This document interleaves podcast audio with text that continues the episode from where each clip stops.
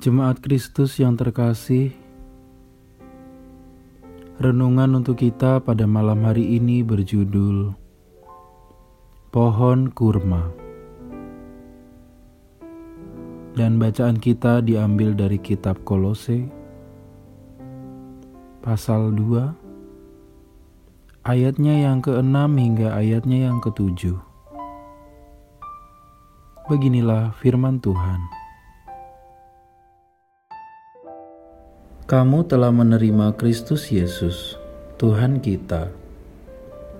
Karena itu, hendaklah hidupmu tetap di dalam Dia. Hendaklah kamu berakar dalam Dia dan dibangun di atas Dia, dan hendaklah kamu bertambah teguh dalam iman yang telah diajarkan kepadamu, dan hendaklah hatimu melimpah dengan syukur.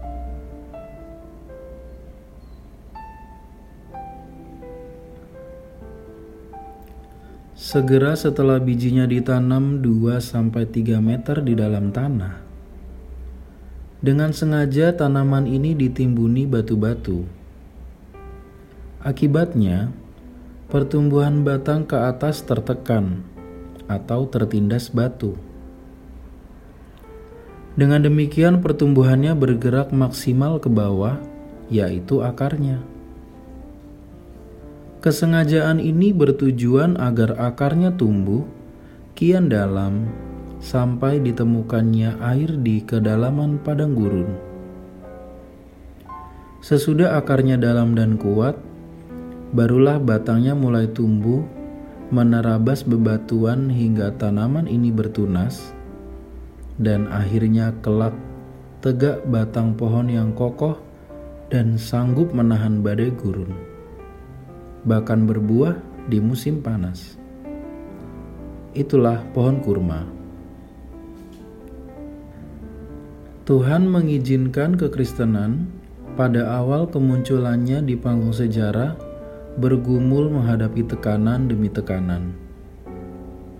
Baik penindasan oleh penguasa maupun penyesatan dari dalam tubuh gereja sendiri.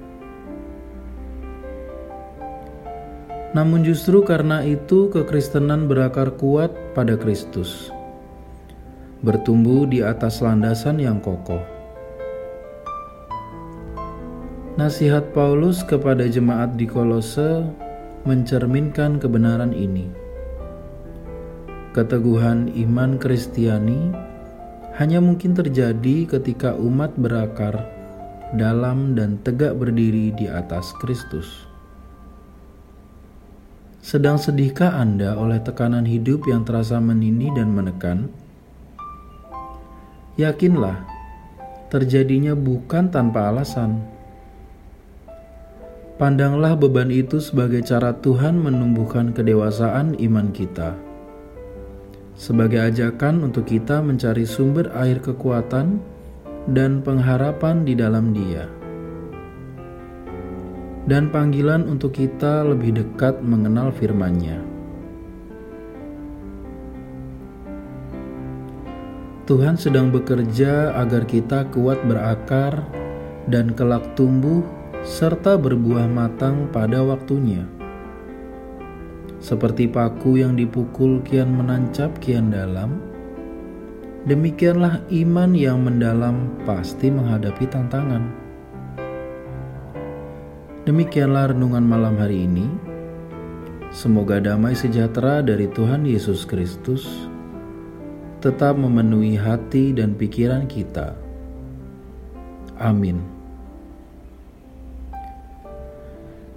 Jemaat yang terkasih, mari kita bersatu hati menaikkan pokok-pokok doa yang ada dalam gerakan doa 21 GKI Sarua Indah. Mari berdoa.